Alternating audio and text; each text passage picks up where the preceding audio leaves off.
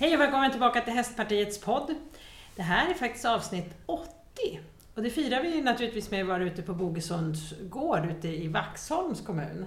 Och här träffar jag Josefin Haraldsson Laxonen, blev det rätt? Ja. ja. Och med mig har jag min kollega från riksdagen, Karin Enström, och Helena Nyström som är från Vaxholmsmoderaterna.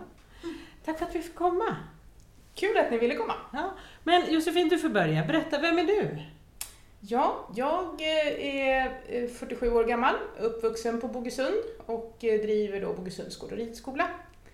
Jag bor här med min familj som är två söner och en man och sen mina föräldrar som har drivit ridskolan och gården sen 50, eller inte, föräldrarna har inte drivit sen 50-talet men min pappa har bott här sedan han var sju år. Mm. Så det är, man kan väl säga att jag är i tredje generationen. Eh, familjen håller på med annat. Som, de, de inte, eh, alltså barn och man är inte involverade i företaget annat än att de bär och kör emellanåt. Bygger stall och lite annat.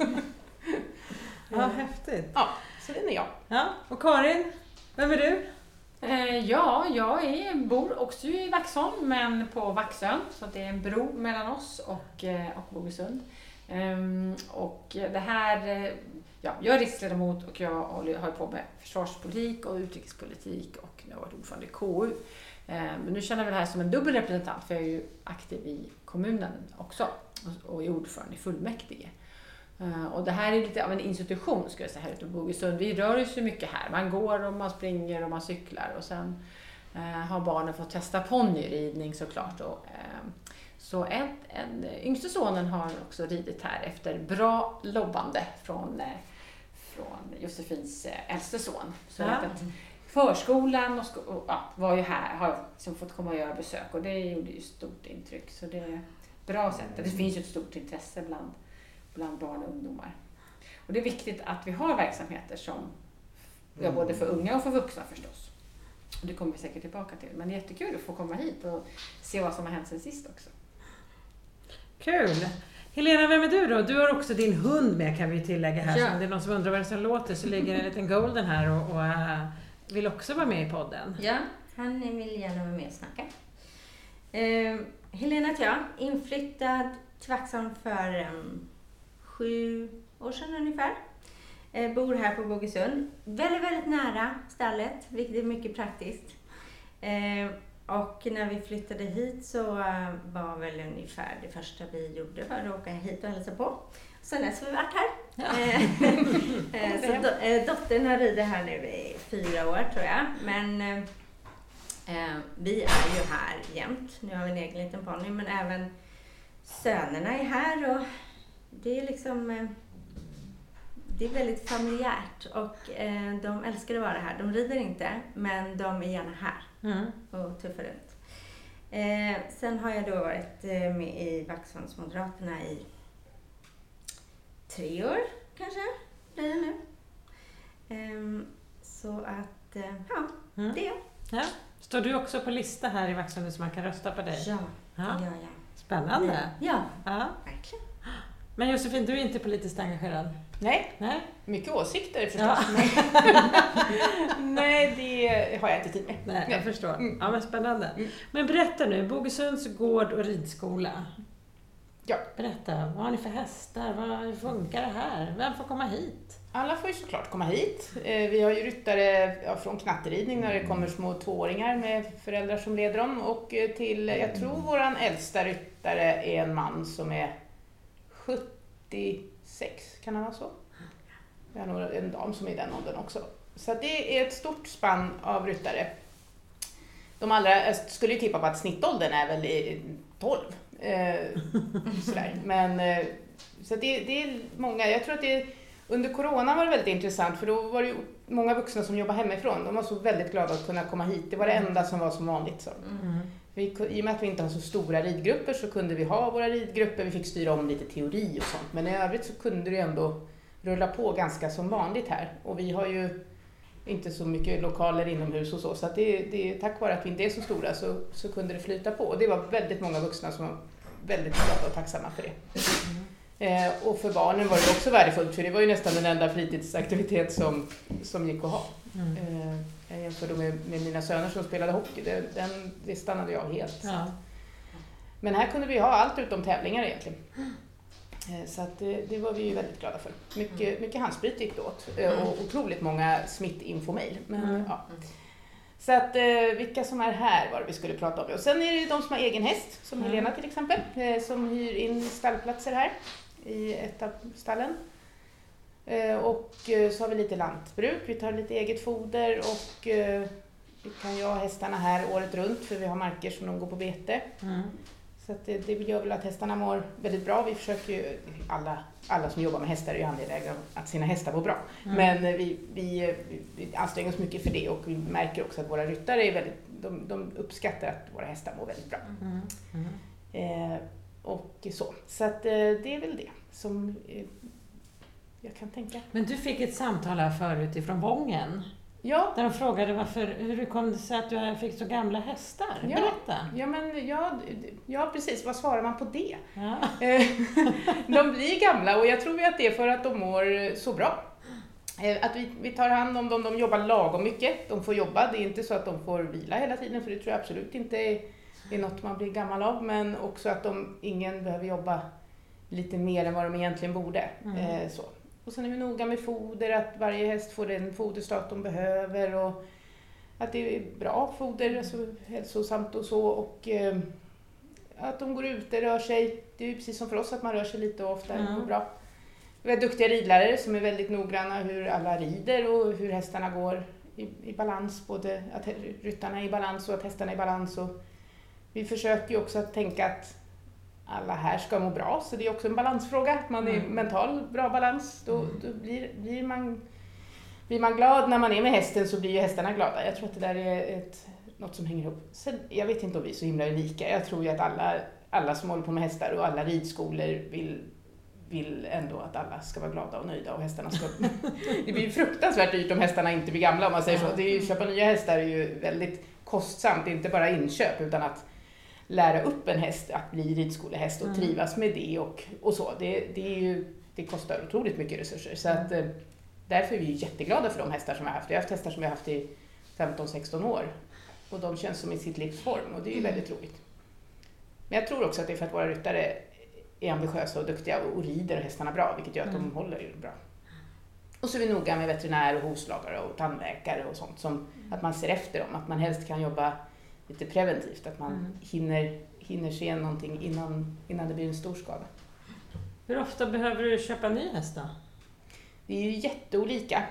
Eh, vi hade lite oflyt förra året där vi förlorade en häst väldigt plötsligt och vi hade några som var, var lite sköra ett tag. De stod faktiskt på sjukhus ett par veckor och en som fick en- operera magen och en som var sparkad. Det har vi typ inte varit med om på hur många år som helst. Mm.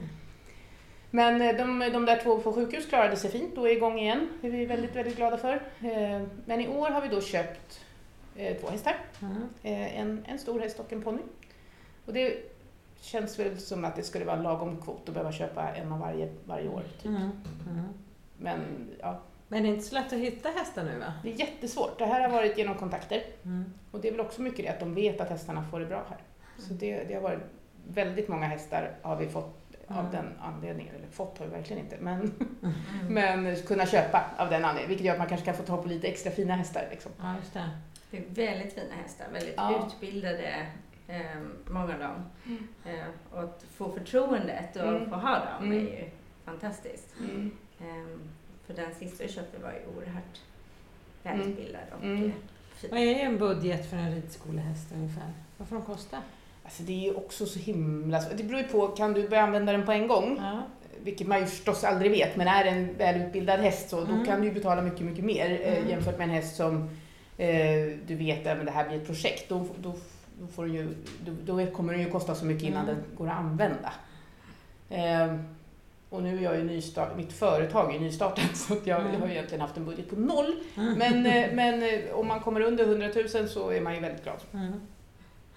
Och de två senaste inköpen då, är de, var de, alltså, de Var de ridskolehästar från början? Från anna, nej, de var privathästar som är duktiga hästar. Ja, ex- det första var en, en tävlingshäst som en familj inte riktigt hade tid med och som de, vi fick låna i förtroende en period och sen skulle han väl säljas och, och sådär. Och sen förstod de att han kommer få det så bra här så att då eh, fick vi köpa honom. Så Ja. det är vi jätteglada för, för det är en fantastiskt fin häst.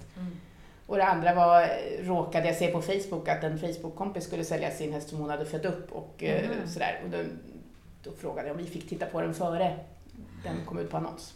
Och då tänkte hon, för hon ville gärna att den skulle bli tävlingsponny för att han är väldigt fin. Mm. Men eh, då kände hon att eh, efter, här blir det i alla fall ingen vandringspokal. Att den, många tävlingsponnyer säljs ju var tredje år sådär. Mm. När barnet växer ur dem eller man vill ha något annat och så. Så vi fick köpa den. Och hur många hästar har ni sammanlagt? För det, 25 ridskolehästar. Mm. Där är blandat ponny och häst då. Och eh, sen är det 10 inackorderingar på gården. Alltså sådana som hyr boxplats åt sin privata häst. Mm. Och det är också en blandning, allt från väldigt många mor och dotter, nästan alla skulle jag vilja säga. Eh, och, eh, och så är det ponnyryttare som är runt 10 år, som Juli. Och eh, vuxna, vuxna, alltså mor och dotter som vuxna. Mm. Så.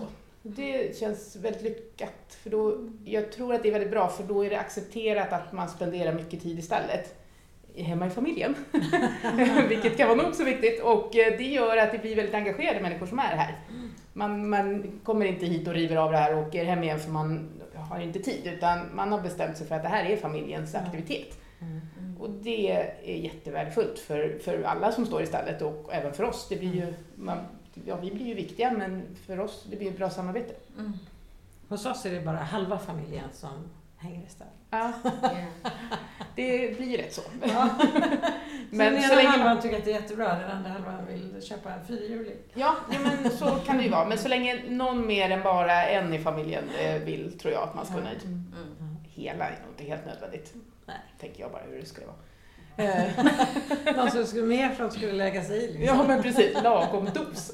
Men det blir lite härligt för folk är en del i samma ålder, Mm. man umgås, lär känna varandra, börjar Mm. umgås privat, det är Mm. här man träffar, alltså hänger, så det blir väldigt trevligt. Ja, Många av de här familjerna som inte känner tidigare som man liksom eh, umgås med nu. Mm. Så det är ju väldigt, eh, väldigt kul. Och då blir det mer att man är här också. ja precis. Det blir ju, ja exakt. Jo, men det är ju många av ungdomarna som har liksom, de lärde känna varandra och de började rida ihop som sexåringar och sen går de på varandras bröllop och Mm. träffar sin respektive på dens bröllop. Alltså det växer ju liksom. Det är, ju- häftigt. Mm. ja, men det är ju otroligt nätverk. Mm. Och nu häromdagen så var det en som redan för jättelänge sedan som kom med sitt barnbarn. Där Dottern red då, hon och dottern red då. Och nu var barnbarnet också som började rida. Mm. Så det är, det är roligt. Apropå institution. liksom.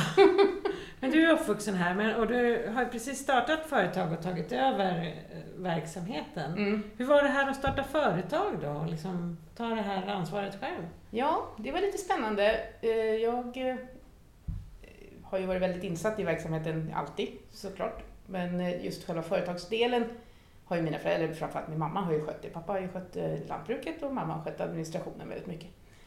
Och jag har skött mera ridskolebiten så. så Mm. att, eh, men nu, eh, ja jag fick ganska god hjälp av min mans företagskonsulter så att eh, jag, jag tack och lov. Men så jag tycker det går bra. Jag försöker vara, göra så mycket som möjligt digitalt så att det ska gå Mm. fort och lätt.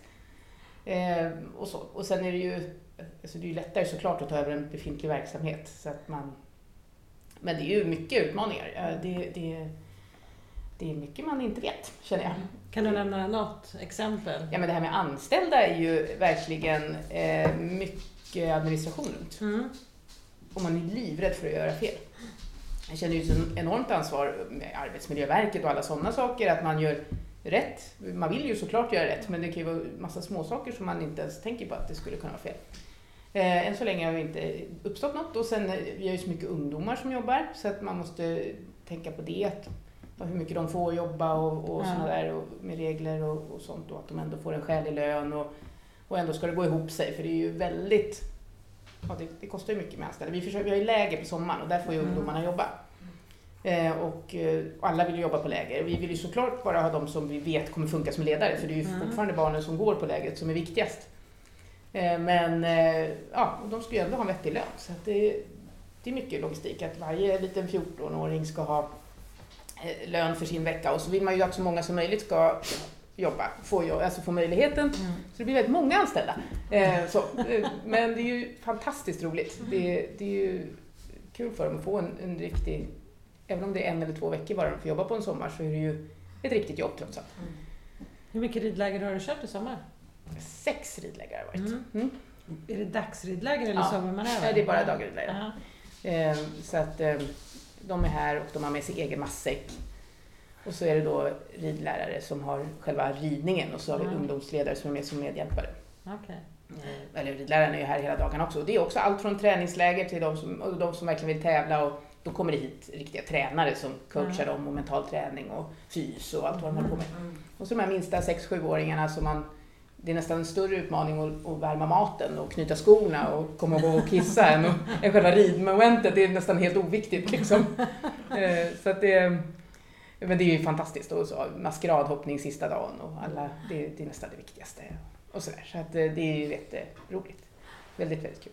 I år hade vi en liten incident med en jordgeting, tram, liksom, en häst som gick i ett jordgetingbo. Så det var Oj. lite Hur gick det då? Ja, men det var lite dramatiskt kan vi säga. Det var, alla sprang åt olika håll och vi fick möta upp här och glass på, på betten och ja, men sådär. Så att det pratas fortfarande om Mm. bland barnen.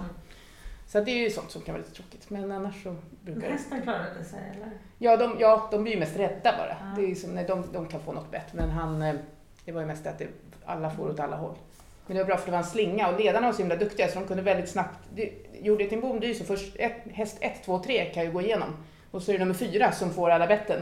Mm. Och då hinner ju förhoppningsvis 5 och 6 vända.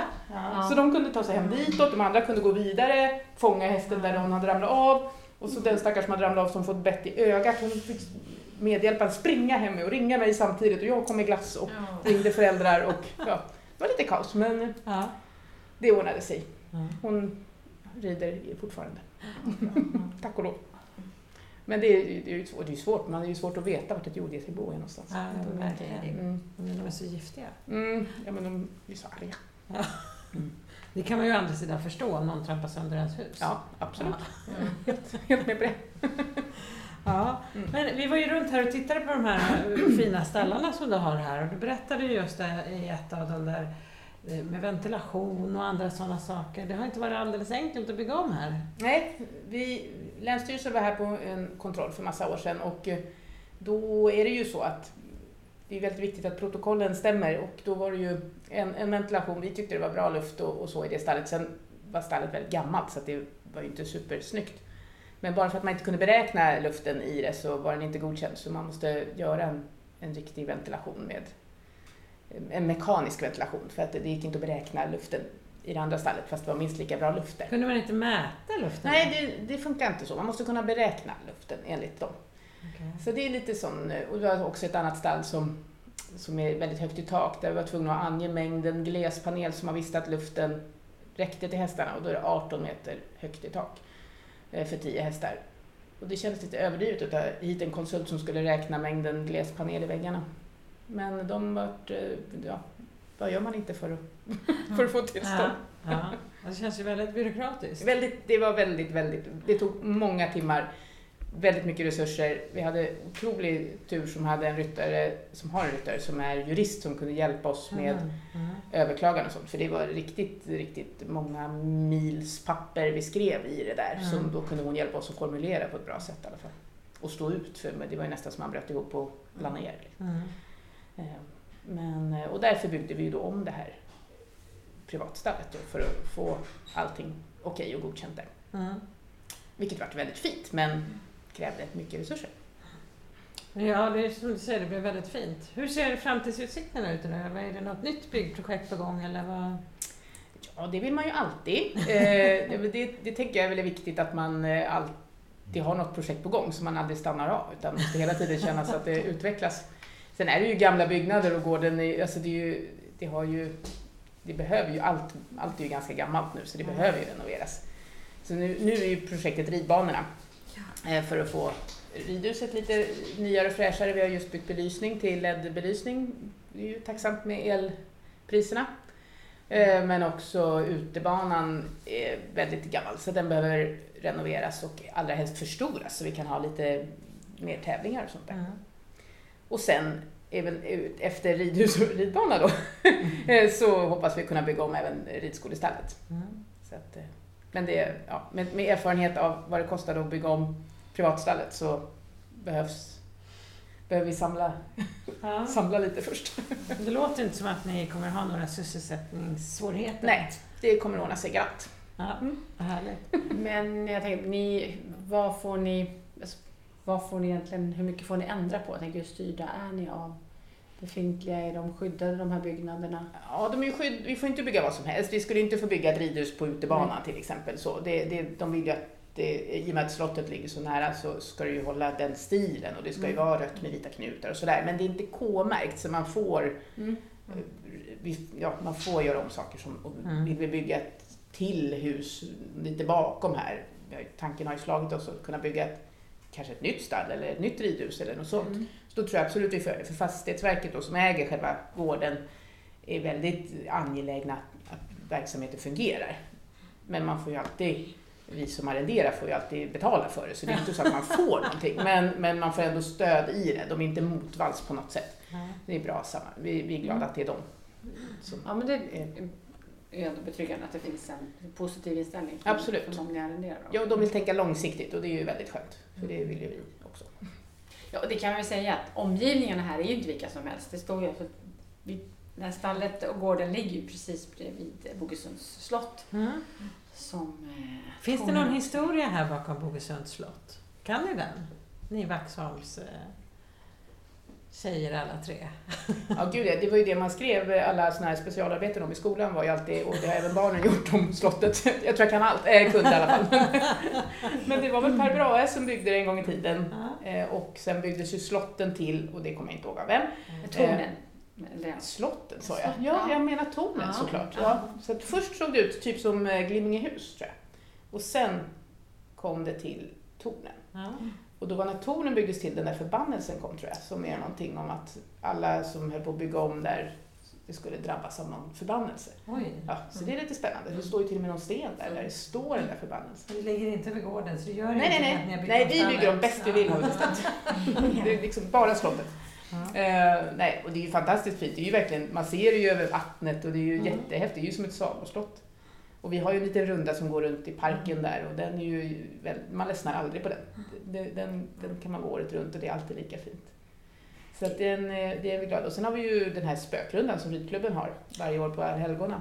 Mhm. Då eh, är det 140 personer som kommer ut och går i skogen här runt slottet och blir skrämda.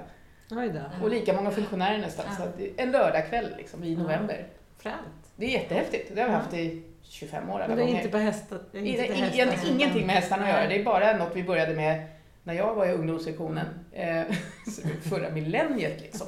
Eh, eh, och eh, tyckte det var kul att gå runt slottet. Och sen när det varit så många som vill vara med, då har vi utökat rundan så det blir större. Och, Ja. så dramagruppen i Vaxholm är med och det är en jättestor grej. Eh, har det blivit. Så det är väldigt, väldigt kul. Ja. Och det är ju inte bara ridfolket Nej, som kommer, nej, nej. utan det är ju många från Vaxholm. Ja. Eh, och man väntar in till när man får gå. Man bör kanske inte vara allt för ung, Nej, då är det faktiskt är ganska läskigt. Ja. Mm. Eh, så det är ju jättemycket folk och Ja. det är en av föreningens största liksom, eh, årliga aktiviteter. Mm, Eh, Den här spökrundan planeras av ungdomssektionen länge med olika historier för varje år. Ja. Mycket spännande. Har du gått Karin? Jag har aldrig vågat.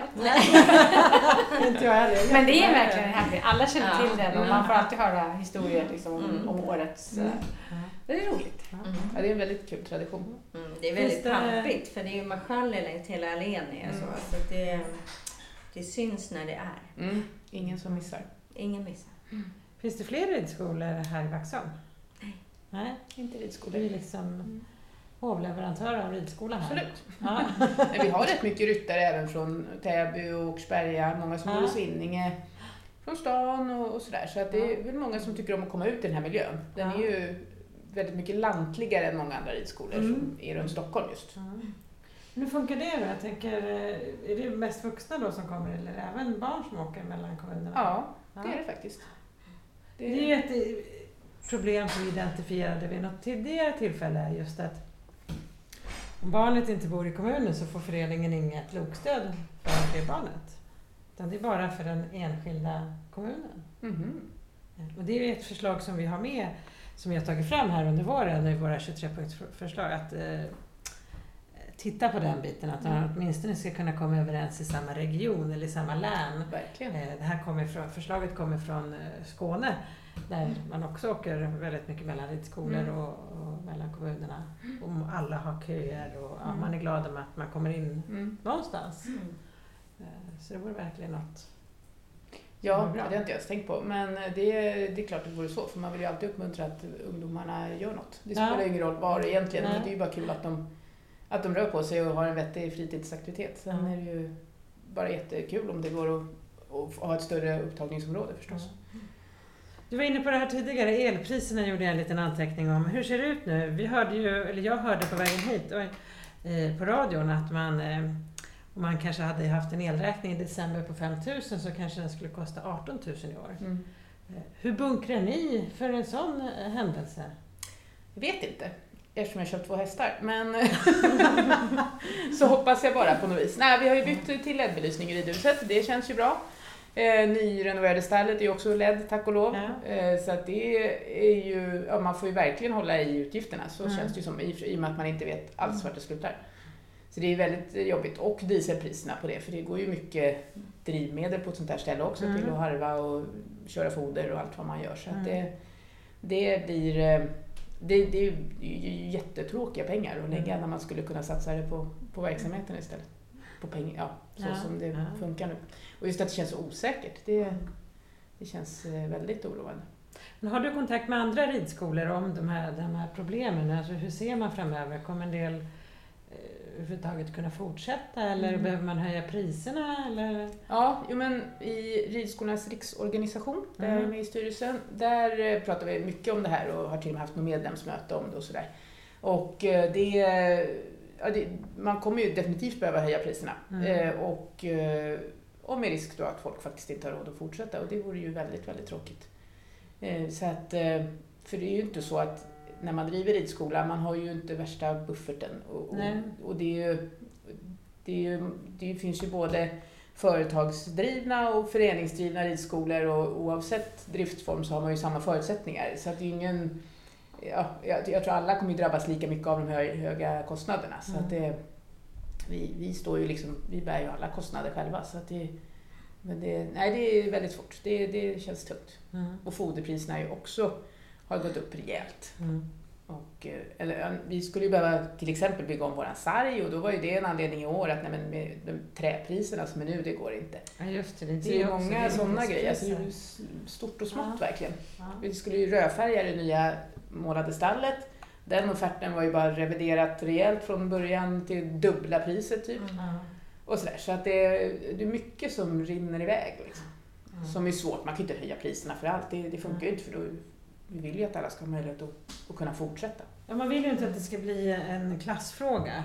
Nej, verkligen inte. Det, jag vill ju ändå tänka att man, man eh, prioriterar, man kanske väljer bort den dyra semestern istället. Ja. För man känner att den här vardags, eh, vardagen är viktigare för familjen. Att man kan fortsätta med sin fritidsaktivitet Ja. som ändå ger så mycket i, för, för ens barn då, framförallt, men även för sig själv tänker jag. Det är ju så, det är ju, det, det är så många mervärden att kunna vara i stallet och rida. Så att jag, Mm. jag vill ju tänka att alla än så länge kan prioritera det. Men om finns det inga pengar alls så får, då är, det ju, är man ju viktigare att, att få mat. Liksom. Mm. Det blir ju också ett problem i och med att det är ett visst underhåll hela tiden Ja. som behöver göras. Så gör man inte det på grund av att man måste lägga pengarna på annat så blir det ju det dubbla Mm. året efter. Mm. Och sen blir det, alltså, så att det, det är ju ett problem Mm. att man inte kan göra det man behöver Mm. för att priserna har gått upp så Mm. mycket.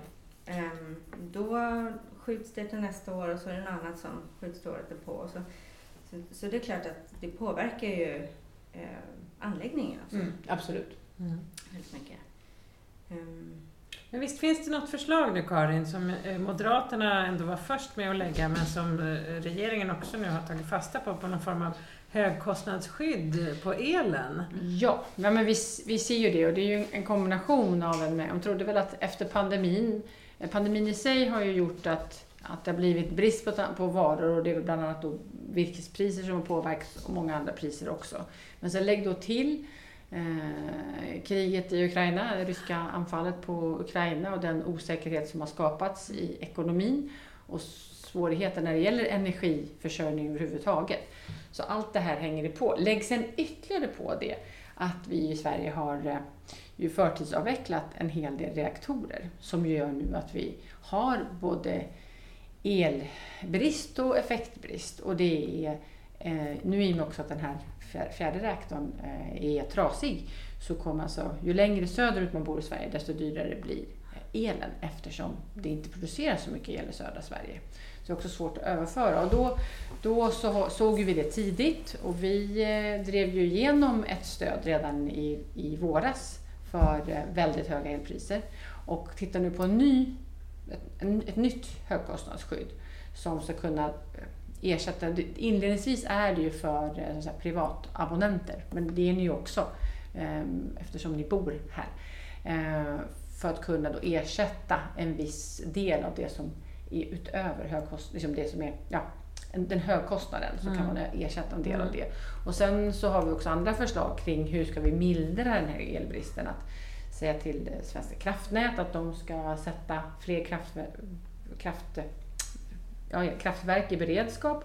Uh, och sen ökar vi också då möjligheten att dra av för energibesparande åtgärder och bidrag till sol så de här ledlamporna som eh, Josefin har installerat här, det skulle kunna vara någon sån? Jag, jag, jag kan inte svara rakt av på det, ja, men, men, men, ja. men, just att man gör ja, arbete och en del investeringar. Mm. Sen får man väl kolla. Sen vet jag att det finns, det är säkert lite olika regler för företag och eh, privatpersoner. Men, men sammantaget så ser ju vi att det här är problem, både för företag och för privata. Mm konsumenter. Och här gäller det att hitta, just att mildra de värsta konsekvenserna. Samtidigt kan man ju inte heller, alltså ja, vi har ju inte politisk styrning över eh, Ja, in, ja, vi ska försöka dämpa inflationen, men vi, har, vi är på väg in i en lågkonjunktur så att det är ju tufft att vara företag och därför så måste vi ju vara med, ännu mer företagsvänliga i vår politik än vi varit tidigare.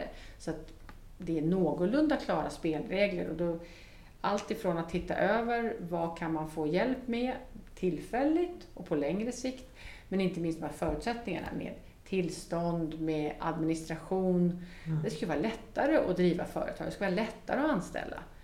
Ehm, och där har vi ju verkligen föreslagit många förslag kring regelförenklingar. Och så vet jag att, det får du berätta om Alexandra, men, men eh, och väl insatt i partiets förslag kring hur kan man göra det lättare för hästnäringen. För det är ju, och företagande generellt, men om vi tittar just på sån här verksamhet som bedrivs här. Och jag kan bara säga då, det är synd att det inte, att det inte är med bild. För nu kommer de här ridskoleeleverna har ställt upp med sina hästar. Och de är så, står så fint här nu. Vi kan se ut, eh, ut över ridhuset. Um, jo, för det är, så betyd, det är väldigt betydelsefullt. Det är ju en, en arbetsgivare. Det är eh, också en fantastiskt fin skola för för både mental och fysisk hälsa. Och så vet vi också det, att det är, det är fler tjejer än killar fortfarande som rider. Eh, men att ibland så kanske man prioriterar sporter där det är mer än killar som håller på. Mm. Så det måste vi också få ordning på. Det finns det en hel podd om faktiskt. Mm. En tjej som heter Malva Hallbäck som gjorde ett gymnasiearbete i Åre kommun om huruvida Åre kommuns bidrag var jämlika eller inte. Mm. Det var de inte, men alltså ett fantastiskt arbete som hon la ner där och intervjuade politiker, gjorde räkne, beräkningar och allting. Och, eh, ja, jag tror att fler kommuner behöver se över hur eh, man faktiskt fördelar sina eh, mm. stöd till idrotten. Jag tänker Josefin, du som inte är politiker men har väldigt mycket åsikter som du sa initialt. Om du vore politiker, nu är det ju val här om 11 dagar faktiskt idag. Om du vore politiker och så blev du minister och mm. ansvarade för hästnäringsfrågor. Mm. Vad skulle du bestämma då för att förbättra för hästnäringen? Ja, ja, ja det, det här med diesel eller drivmedelspriserna och elpriserna mm. är ju väldigt aktuellt. Så därför har ju det, i vanliga fall hade jag kanske inte alls sagt det, men just nu känns det ju så. Eh, mm. Sen i och med att vi också har lantbruk så känner jag, alltså gröna näringarna i allmänhet, det hänger ju ihop alltihopa, är ju otroligt viktigt. Mm. Men regelverk, som sagt, att det är lätt lite kortare vägar emellanåt till, till saker och ting som ska... Att det blir lätt att administrera. med tillstånd och sådana saker. Det är ju Mm. superviktigt med tillstånd och att arbetsmiljön är viktig och allt det här. Det, det, finns ju, det går ju aldrig att tumma på det, men att man önskar att det fanns liksom ett, ett lätt, eh, lätt sätt att, att ta till sig det och, Mm. och förstå och göra rätt. Ja. Att, det, att det blir lätt att göra rätt, kan Ja. man säga. Eh, Så att det, och, ja, och inte heller att det ska kosta massa pengar, på, annat än det som verkligen måste kosta. Då. Men, så det vore väl eh, en bra grej som vore bra om jag var minister. Ja, härligt! Ja, vi får se. Men nu stod du inte på någon lista i år. Nej, jag ska Nej. styra upp det till Ja. nästa år. Ja, det är bra. Karin och Helena får fånga upp dig. Absolut. Ja, men hörni, vi skulle kunna sitta här hela dagen och prata och dessutom titta på de här små ponnysarna. Men stort tack för att vi fick komma hit. Jättekul att ni kom. Ja. Tack för att jag fick Tack komma till Vaxholm, Karin och Helena. Tack Ja, tack, tack för att du ville komma. Ja. Det ska bli spännande att se om, om vi får några reaktioner på podden. Och tack Josefin. Bra, och till er som lyssnar så kommer naturligtvis ett eh, nytt spännande avsnitt nästa vecka, förhoppningsvis. Det är ju mitt i brinnande valrörelse och det kan bli några extra program faktiskt den här veckan. Men vi får se. Ha det gott så hörs vi!